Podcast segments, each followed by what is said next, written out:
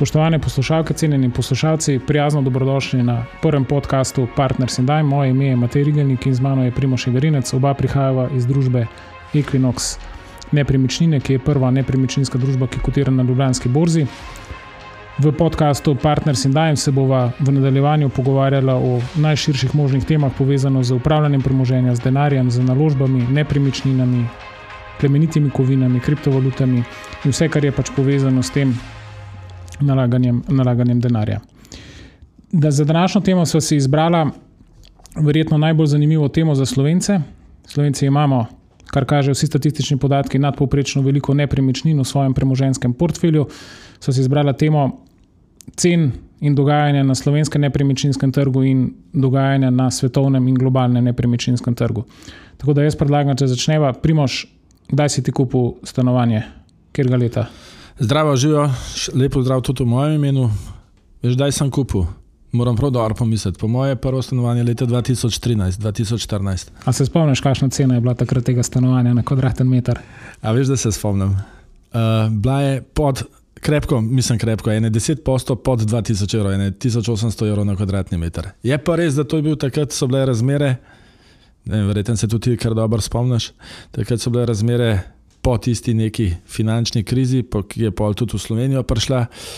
In takrat so bile razmere, kar hočem povedati, glih kontra tem razmeram, ki so danes. Takrat ni bilo ne kupcev, prodajalcev, so, prodajalci so bili večinoma banke, ki so, uh, kako bi rekel, zasegle uh, nepremični, mislim, ne, gradbenim firmam uh, stanovanja. Tako da razmere so bile čist, čist drugačne, kot so danes. In to, kar, mislim, kar je meni zanimivo, je to, da se situacija lahko v, zdaj, v ene, petih, sedmih letih iz ene skrajnosti gre v drugo skrajnost. Tako da, ja, spomnim se, kdaj je bilo prvo stanovanje kupljeno, z današnjimi očmi, če pogledam po vrhunskih cenah, moram biti pa odkrit, pa pošten, da ne vem, če bo naslednjih sedem let toliko debelih krav, kot je bilo teh. No, in kako, kako generalno gledaš, če si kupil stanovanje, recimo Jurija 800 ali 1800 evrov? Vem, sedem let nazaj, da je cena, koliko je zdaj recimo, vredno to stanovanje. Ja, to je zdaj dobro vprašanje. Veliko se govori, jaz vprašanje, koliko se pol realno transakcije naredijo, ampak jaz mislim, da je vsaj ene 50 do 80 odstotkov sigurno draže. Nekateri pravijo, da tudi 100 odstotkov. Moram biti iskren, da po teh današnjih cenah ne vem, če bi se še enkrat odločil za isti nakup tega stanovanja. Um, tako da to je na. Zakaj In zakaj, kaj se je zgodilo recimo, v teh petih, sedmih letih, da so se cene nepremičnin tako spremenile? Ali so to centralne banke, ali so to neka gospodarska situacija, ali kje, kje tiči zajec, v katerem grmu tiči zajec? Zakaj jaz mislim, da je, da je ene, kar neki, vsak posebej zelo pomemben razlog. Uh, en glavnih razlogov so sigurno centralne banke, njihova politika uh, cene denarja, po domač povedano, obrestne mere, to vsi zelo dobro razumemo ali pa razumete.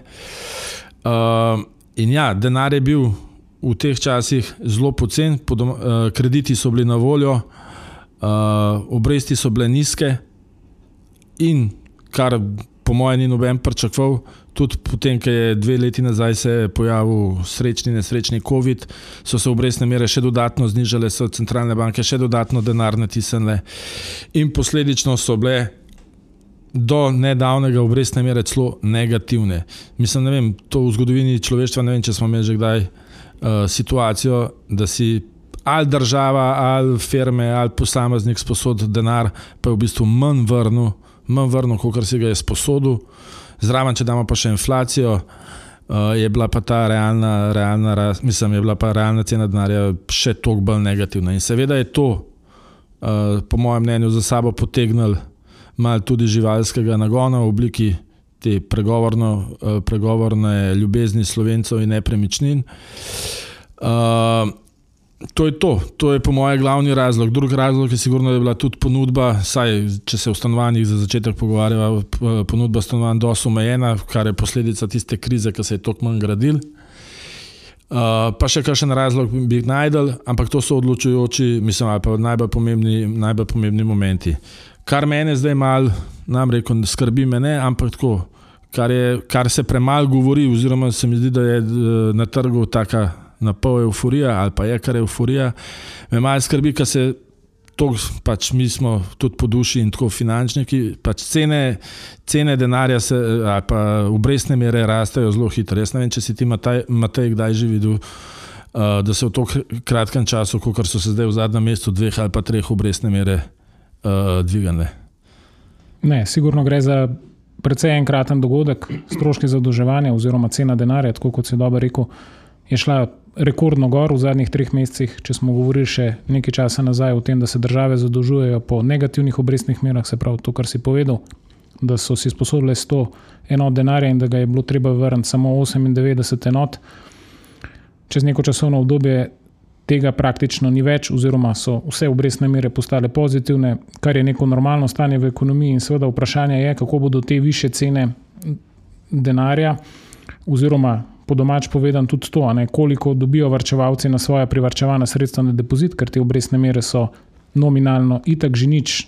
Ne vem, tri, štiri leta, banke so celo uvedle ležarine na ta sredstva, se pravi, ljudje spodbujajo, da nalagajo denar kam drugam, ga ne puščajo na bankam, kako bo do vse te povišanje stroškov eh, obrestnih mer in seveda cene denarja vplivali na to, kaj se bo dogajalo v stanovanju. Jaz osebno mislim, da pa v Sloveniji ni samo eh, faktor teh obrestnih mer in nizkih stroškov zadolževanja, ampak je res neka velika euforija in ljubezen do teh nepremičnin, ki zelo vpliva na to, da se Slovenci nadpoprečno odločamo za naložbe v nepremičnine, se pravi, da kupujemo stanovanja, čeprav, če pogledaš neko, bom rekel, nek tak preprost ekonomski izračun, hitro ugotoviš, da z, neko, z nekim najemnim donosom, ki ga iz nekega stanovanja dobiš, upoštevajoč vse stroške, ki so s tem povezani, upoštevajoč inflacijo in upoštevajoč, bom rekel, čas in trud, ki ga v to vlagaš, dejansko na koncu ni neke eh, blazno dobre, blazno dobre ekonomike. Je pa res, da so te cene in to kaže.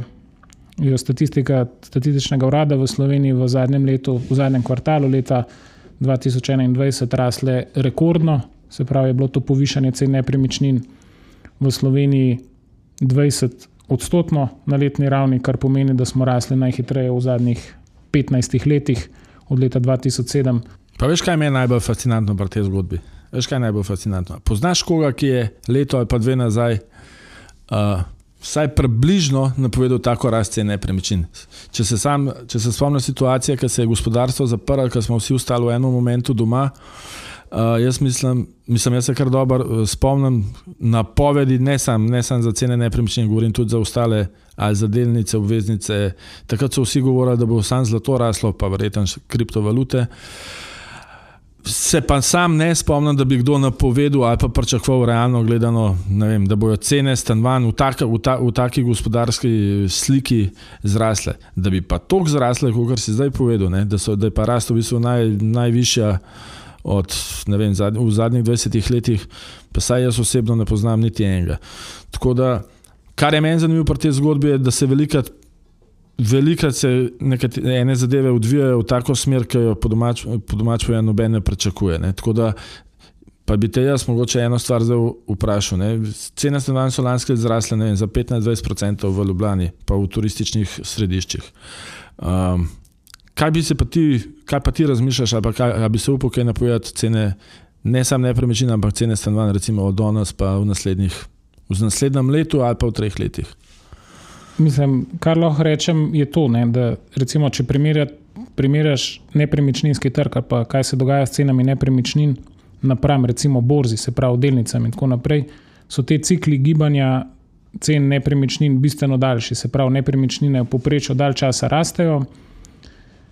Se pravi, ta trend bolj stanoviten, kot je to recimo pri, pri delnicah. Pri delnicah se ti hitro zgodi, da to pade za 20-30%, takih pacov na nepremičninskem trgu so zelo redki. No. Obstajajo, ampak so zelo redki. Tako da z veliko gotovostjo lahko trdiš, da če so nepremičnine rasle včeraj, da bodo tudi jutri. Se pravi, nek trend je definitivno pozitiven, kar, pa, kar se pa že nekaj časa opaža. Se pravi, tudi v zadnjem kvartalu leta 2021 in sploh v februarju, ko je Seoul naredil analizo.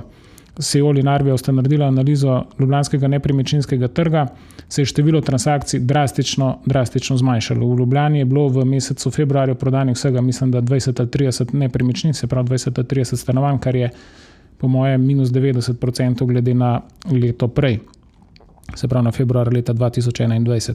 In načeloma so ti obrati na tem gibanju pri teh cenah nepremičnin, oziroma pri gibanju cen nepremičnin, običajno taki, da se prvo nekako transakcije umirijo, se pravi, da je transakcije vedno manj, in da, in da seveda potem sledijo tudi, tudi cene. Sicer je bil na zelo mehkem vzorcu v februarju zaznan nek rahel upad cen nepremičnin, ampak še daleč od tega, da bi lahko govorili o kakršnem koli obratu. Vse pa spomnim, seveda jaz v tistih časov, iz, iz rekel, predkriznih ali pa kriznih časov, takrat, ko smo govorili, da je bilo v Ljubljani 2000-3000 nekih stanovanj na ponudbi, to, kar si omenil, se pravi, da so banke ta stanovanja zasegle in so jih potem prodajale. Koliko je bilo takrat govora, da je teh 2000-3000 nepremičnin oziroma stanovanj v Ljubljani praktično ne mogoče prodati ob takratnem popraševanju, zdaj pa govorimo o Ljubljani v tem istem trgu, se pravi 5-6 let kasneje, da je manjko stanovanj, ne vem koliko, 5000, 10000. Ja.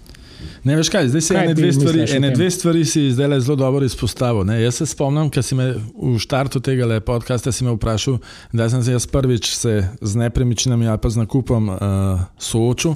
Jaz se spomnim tiste situacije, ki je ena izmed večjih slovenskih bank prodajala zasežena stanovanja v enem delu Ljubljane, oziroma lahko rečem v Šiški.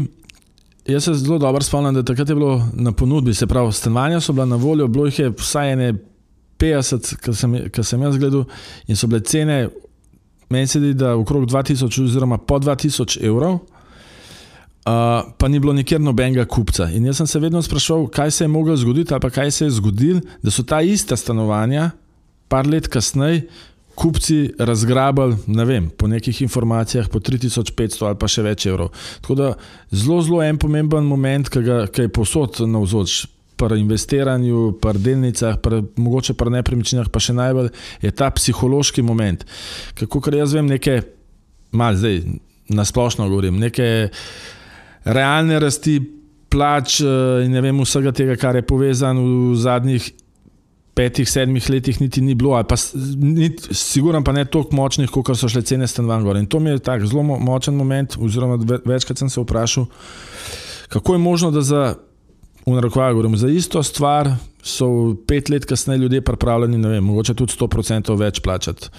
Drugo, kar, se, kar mi je bilo pa všeč, kar si izpostavil, pa bi jaz tudi omenil, je pa ta likvidnost. Ne? Ta likvidnost, mislim, ta likvidnost, likvidnost kot taka, pri vseh zadevah, in pri delnicah, in pri Ljubljanski borzi, in pri nepremičnih, uh, ker smo mi uh, pač recimo, da nekaj poskušamo vedeti, pa smo določene stvari čez neka zgodovinska obdobja gledali, je likvidnost en, ena ključnih postavk ali pa determinant uh, vem, rasti enega ali delnic ali, ali stanovanj ali česar koli.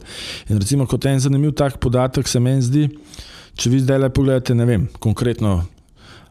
Vem, ameriške delnice ali pa ameriško borzo je likvidnost na ameriški borzi rekordna. Ne? Z drugimi besedami, Dnevni prometi, mesečni, letni prometi so na rekordnih ravneh, in posledično so tudi cene blizu rekordov, pa skoraj na rekordnih ravneh. No, ok, v zadnjem obdobju so šle malo dol, ampak drugače pa vse blizu rekordov.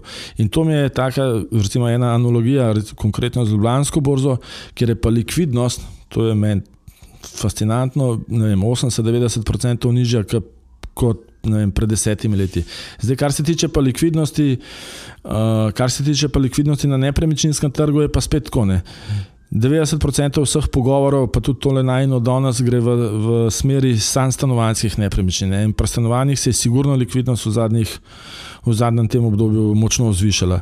Se, smo pa še, verjetno nismo še na rekordih, uh, je pa ta likvidnost bistveno bolj vprašljiva pri kakšnih drugih uh, tipih nepremičnin, ne vem, mogoče pri poslovnih prostorih ali pa še kakšnih ostalih tipih nepremičnin. Tako da dva momenta, no, tako kot si prej rekel, uh, se pravi. Kako, kako psihologija vpliva na, na, na, na določene zadeve, in pa, in pa posledično likvidnost. In to moje mnenje, no, mislim, če lahko na glas razmišljam. Uh, me, glede centralne, mislim, jaz imam občutek, da smo se vsi, in posamezniki, in družbe, in politika, in ne vem kdo vse, da smo se v zadnjih parih letih mal, uh, kako bi rekel, razkomotali glede tega poceni denarja, ali nizkih obrestnih mer, ali zastojn denarja v obliki vem, bonov in podobnih zadev, ali pa enkratnih pomoči. Uh, Mislim, jaz se bom drznil eno napoved, jaz mislim, da se pač denar, v narekovaj govorim, denar, denar iz neba, da se to končuje. In to bo za sabo sigurno potegnilo določene, določene premike, marsiki. Ne vem, kaj pa ti misliš? Ja, mislim, siguran, če na privrčevana sredstva, oziroma na sredstva, ki jih daš na bančni račun, ne prejmeš nobene, nobenih obresti, oziroma nič, nič, ker so obresti negativne, nominalno celo negativne. In če upoštevaš še, da se burek, kruh in vse ostale vsakodnevne dobrine praktično večkrat na leto že dražijo, pomeni, da realno zgubljaš denar in seveda vsi vlagatelji in vsi varčevalci iščejo alternativo. Zato, vedno, zato so bile nepremičnine, sploh v Sloveniji, zelo popularne med vlagatelji, ker jih imamo toliko v lasti in ker vidimo v teh nepremičninah neko dolgoročno, bom rekel, stabilno rast. In seveda so se potem vlagatelji iz teh bančnih depozitov in bančnih vlog zatekali, zatekali v neke nepremičnine, nakupe nepremičnin in posledično so tudi cene rasle. Ker zanimivo je to, sploh glede na leto 2007, recimo trenutno v Sloveniji. Če pogledate, koliko nekih nepremičnin je kupljenih z nekimi krediti, hitro ugotovite, da, ali pa hitro ugotovimo, da so te nepremičnine v veliki meri financirane kar z denarjem, se pravi, da ni nekega bančnega financiranja v zadju in je po mojem ta logika v zadju predvsem ta, in sicer da vlagatelji kot neko alternativo, naložbeno alternativo v obliki depozita, glede na nizke ali pa negativne obrestne mere, je ni in zato pač iščejo neko bolj tvegano naložbo in neko bolj donosno naložbo in zato se zatekajo. Zatekajo v nepremičnine. Je pa tako na kapitalskih trgih, kot tudi na nepremičninskih trgih, seveda ta, kako se to ima rekel, živalski nagon oziroma animal spirit, kot ga je imenoval Keynes, zelo prisoten. Se pravi, ko je dobro, smo, eh, bom rekel, zelo optimistični, ko je pa slabo, smo pa zelo negativni in trenutno smo v obdobju relativno velike euforije in relativno velikega optimizma, kar še dodatno, seveda, pozitivno potem vpliva na, na cene eh, teh nepremičnin. Se pa jaz tukaj vedno znova spomnim na ta fenomen eh, porana, ne, kako je poran eh, za vzgojo, ki ga za vzrejo, ki ga um, ki ga kmetje pač, ja, ja, ki ga kmetje začnejo vzgajati za, za, za kola. Ne.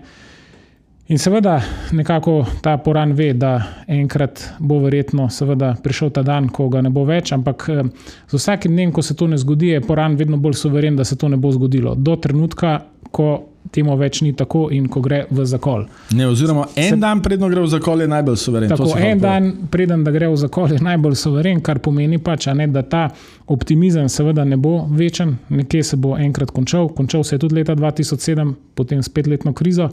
Ne vem, se bo končal leta 2022 ali 2023 ampak enkrat se, enkrat, se nedvomno, enkrat se nedvomno bo. Ker eh, to, kar si samo omenil, se pravi, nek fundament v smislu rasti plač, eh, dvig produktivnosti, itd., itd., se v, tako v Evropi, kot eh, tudi globalno ali pa v Sloveniji ni zgodil, in posledično te nepremičnine rastejo, seveda. Kot posledica tega, kar so omenila, ne. se pravi, zelo, zelo ekspanzivne politike, se pravi, zelo poceni denarja, in seveda manjka, manjka alternativa. Ne? Ker praktično, če hočeš ti varno nekam denar naložiti, neke alternative, če posodiš državi, če si posodil državi, recimo vem, Sloveniji ali pa če si posodil Nemčiji za obdobje desetih let, si dobil manj denarja nazaj, kot si ga posodil. In zato se vsi zatekajo v neke, v neke te naložbe v stanovanja oziroma v nepremičnine, ko dobijo vsaj nek pozitiven donos, in dokler nepremičnine rastejo z 20-odstotnim indeksom seveda še, eh, še toliko več. Vprašanje pa je, ne, ko se enkrat te obrestne mere dvignejo, ko je enkrat alternativa obstaja, se pravi, da za svoje naložena sredstva ali pa privrčevana sredstva dobiš neke obresti in to se bo glede na trenutno situacijo, ko obrestne mere raste, tudi zgodil, ali ne bodo začeli vlagatelji presojati, da je mogoče denar vendarle bolj šmet na kakšnem depozitu ali pa v kakšni drugi alternativni naložbi. In če pogledaš ne vem, neke študije dolgoročne, ki so bile izvajane ne samo v Sloveniji, ampak predvsem na nekih globalnih nepremičninskih trgih, kjer je statistika obstaja že vrsto, vrsto let. Hitro ugotoviš, da ko se zgodi nek dvig obrestnih mer, se pravi, ko gre cena denarja iz trenutno nič procentov na naprimer 2%, 3%, se eno leto, pa pol ali pa dve leti zgodi, če ne, ohlaje, če ne padec, pa vsaj ohlajanje cen nepremičnin, ker vlagatelji imajo neko alternativo, kam lahko ta uh, denar naložijo. No, ampak zdaj, glede na to, kaj vse so povedali, kaj se je zgodilo, kaj so razloge, zakaj za se je to zgodilo, kakšne so pa neke napovedi, oziroma kaj vidiš. Še kako je z napovedmi? Ok, bom probil povedati. Um, v teh časih, ki se zadnje dve leti smo imeli zdravstveno krizo, pa recimo, da se strinjamo, da smo jo nekako prebrodili. Ampak ta zdravstvena kriza in pa, pač odzivi uh, vem, centralnih bank, ki so definitivno pomagale to uh, močno omiliti celo zadevo, oziroma da smo jo kot družba, kot človeštvo tudi uh, prebrodili, se bodo kazali in se kažejo tudi danes že. Ne? Od to, kar že verjetno vsi veste, od pretrganih dobavnih verig, uh, cene denarja, o katerem govorimo, zdaj imamo še to srečno, nesrečno ukrajinsko-rusko uh, vojno. Tako da so vsakršne napovedi so bliže, vsaj iskreno povedano, vedeževanju kot resnim napovedim. Ne vem, ena taka zanimiva stvar. Jaz sem nedolgo nazaj gledal uradne napovedi glede inflacije, pa so vse za 70% niže, kot je dejansko ali pa občutena inflacija. Drugač pa jaz verjamem v eno stvar, jaz verjamem v borzo, da tako rečem, verjamem v, v, v obvezniški trg in obvezniški trg v zadnjih ali pa v letošnjem letu, se pravi v prvih treh mesecih letošnjega leta, sigurno nakazuje na eno znižano gospodarsko aktivnost, oziroma na eno, ne vem, da, ali pa najmanj, kar je se optimizem mal ohlaja. Govorim na svetu. Uh, Slovenija je pač neločljiv del sveta, tako da slejka prej bo te više cene uh, denarja uh, in podobne začele vplivati tudi na dejanske dogodke pri nas in posledično pa tudi na to, kar se tekom podcasta dotakne, tudi na, na, neko na neko psihološko stanje. Uh, da, no, ampak zaenkrat za tega, bom rekel, na nekih delniških trgih ali pa na nepremičninskih, nekih globalnih trgih ni zaznati, to je treba pač povedati. Ne? Ne, rahlo ohlajanje, mogoče, ja, ni pa nikjer videti nekega drastičnega paca. Ne? Se pravi, verjetno, če je Slovenija neločljivo povezana s temi trgi, tudi v Sloveniji zaenkrat še ni kar so ti indikatorji, kar se tiče nepremičninskega trga, so primarno zmanjšanje likvidnosti, se pravi, število transakcij, ki se na trgu zgoda, dogaja, je manjše, kot je bilo eno leto prej, in mogoče nekoliko zmanjšan optimizem, ne? ampak zaenkrat ni še govora o nekih pacih. No, sej, in jaz verjamem, ne v pacih, ne, jaz mislim, da bodo te, predvsem te stopne rasti, ki smo jih videli, se bodo, po mojem mnenju, znižale ali pa celo bistveno znižale upam in pa verjamem, pa ne, da ne bojo šle v neko negativno moče. Tako da um, neka zmerna previdnost je sigurno uh, potrebna, tako da glede cene ne vem, nepremičnin stanovanja, jaz ustajam. Uh, Optimist, vendar ne po takih stopnjah rasti, kot smo jih videli v zadnjih dveh letih. Uh, to, se, to pa mislim, da je skoraj ne, mislim, težko ponovljivo. No. To je moje mnenje. Ja, je pa tudi res, kar je rekel Albert Einstein, da vse je relativno. Ne? Se pravi, tudi 20% narast cen nepremičnin, če upoštevate, da je bila pa inflacija 6%, je realno samo 14%, samo ja. v narekovajih. In hitro se lahko zgodi, da bom rekel, trg nominalno za njih, se pravi, da cene nominalno padejo vem, iz 4000 evrov na 3500 evrov in da se inflacija še celo ukrepi, in potem so vlagatelji ali pa tisti, ki se odločajo za nakup teh nepremičnin, realno seveda v veliko večjem minusu. Ne? Meni je, meni je fascinantno pri tej celi zadevi to, ne, da imajo slovenski varčevalci na bankah oziroma v bančnem sistemu 25 milijard nekih sredstev, tako ali drugače vezanih z banko, se pravi, ali so sredstva na računu ali so to neki depoziti eh, oziroma neke druge vloge in da se te vrčevalci so se v letu 2021, verjamem, da še bolj se bodo v letu 2022 soočali z visoko inflacijo ali pa z nadpoprečno visoko inflacijo. In če ta inflacija znaša recimo 6%, pomeni, da je 6% teh 25 milijard, kar pomeni približno 1,5 milijarde kupne moči na leto, ugasnil oziroma je zginila, ker si ti vlagatelji oziroma ti vrčevalci za ta isti znesek lahko kupijo 6-7% manj dobrin, kot so si to eno leto. Ne? In da se, ta, da se tega vlagatelji ne zavedajo, kar je seveda nek fenomen, ki obstaja v zgodovini že vrsto let um, in je empirično dokazan na seveda večjih primerih. In sicer to, da ko se nekaj zniža nominalno, ko se neka plača zniža nominalno, ali pa ko ti banka uvede neko ležarino, ki je nominalna, recimo minus 0,2% na to vlagatelji takoj se odzovejo, ali pa delojemalci se takoj odzovejo. Ko pa pride do realnega znižanja, se pravi, ko pa to poje ali inflacija, se pravi, ko začne to kupno moč inflacija, je pa ta zadeva bistveno, bistveno bolj dolgotrajna. Se pravi, se vlagatelji šele na dolgi rok zavedajo, da so izgubili eh, kupno moč in posledično tudi ta privrčevana sredstva. Ne. Ja, sej, se absolutno strinjam. Uh, v inflaciji se mogoče pogovarjamo zdaj že ene zadnje dve, tri leta, ampak jaz, saj to je moje osebno mnenje, da, da smo jo zdaj občutili, pa res že vsi, se pa tole ne vem, dogaja zadnjih pol leta, po mojem mnenju. Še kakšne dve leti nazaj se spomnim, pa je bila, pa je bila že uradno pozitivna, pa nadpoprečna inflacija. Samo Če me spomin vara, je tam tako do 1-2% inflacije, jo ljudje niti v narkovaju, niti ne občutimo. Ne? Zdaj pa mislim, da se vsi strinjamo, da smo na vseh področjih, vse ne samo cene nepremičnin ali pa stanovanj, ampak že v trgovini, v gostinah, uh, avionske karte, ne vem kaj vse. Pač realno je inflacija tukaj z nami, je občutna. Uh, v bistvu je iz meseca v mesec zvišja. To, to, se, to, to, to zdaj vsi vidimo, verjetno starejši ali pa modrejši, izkušenejši ljudje se spomnijo uh, inflacije, mogoče mi, kot predstavnika srednje ali pa mlajše generacije, za tudi živelo v enem okolju, ki ni, ni bilo neki prav pretirane inflacije. Tako da za nas je, ali pa saj za me osebno je to tudi do, dosnov moment. Um, jaz verjamem, recimo, da verjamem v uh, uh, tem, kako krojijo inflacijska in sam pričakovanja, in pa ki imajo nek vpliv na inflacijo, da ne bi bila ta inflacija res mogoče v narekovaju neke prehodne narave, oziroma ne bi se znižvala. Upam, da imajo prav, da vejo, kaj delajo, ker ne, ne, mislim, eni narodi v Evropi se spomnijo, kaj pomeni, če če inflacija uide iz, izpod nadzora. Tako da jaz ostajam optimist in upam, da se bo, da se bo to zaezil.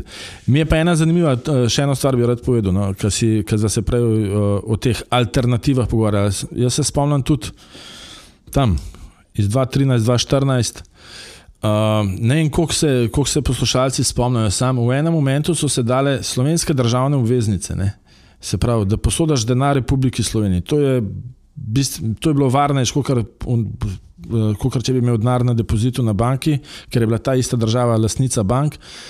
Si dubu, na, pa ni bilo inflacije, oziroma ne vem, mogoče je bila 1% ali kako koli. Si dubu 7% obresti na, na let. Ne? Se pravi, posodil si denar in si dubu 7%. Jaz mislim, da bi Mars do ki ima neka presežna sredstva na banki, za polovico tega, teh obresti zdaj le marsikaj naredil. Ne?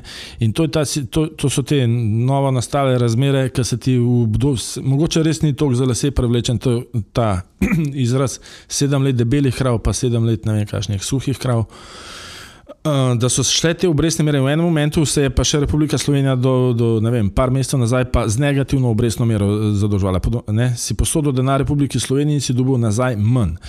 In to je zdaj ta moment, ki se je zgodil, ta obrat, ki se je zgodil in ja, obrestne mere so začele rasti, jaz bi samo sam rad pač na srce in dušo polo, položil, da naj pri svojih nekih investicijskih odločitvah to vzamejo v obzir, naj se pozanimajo.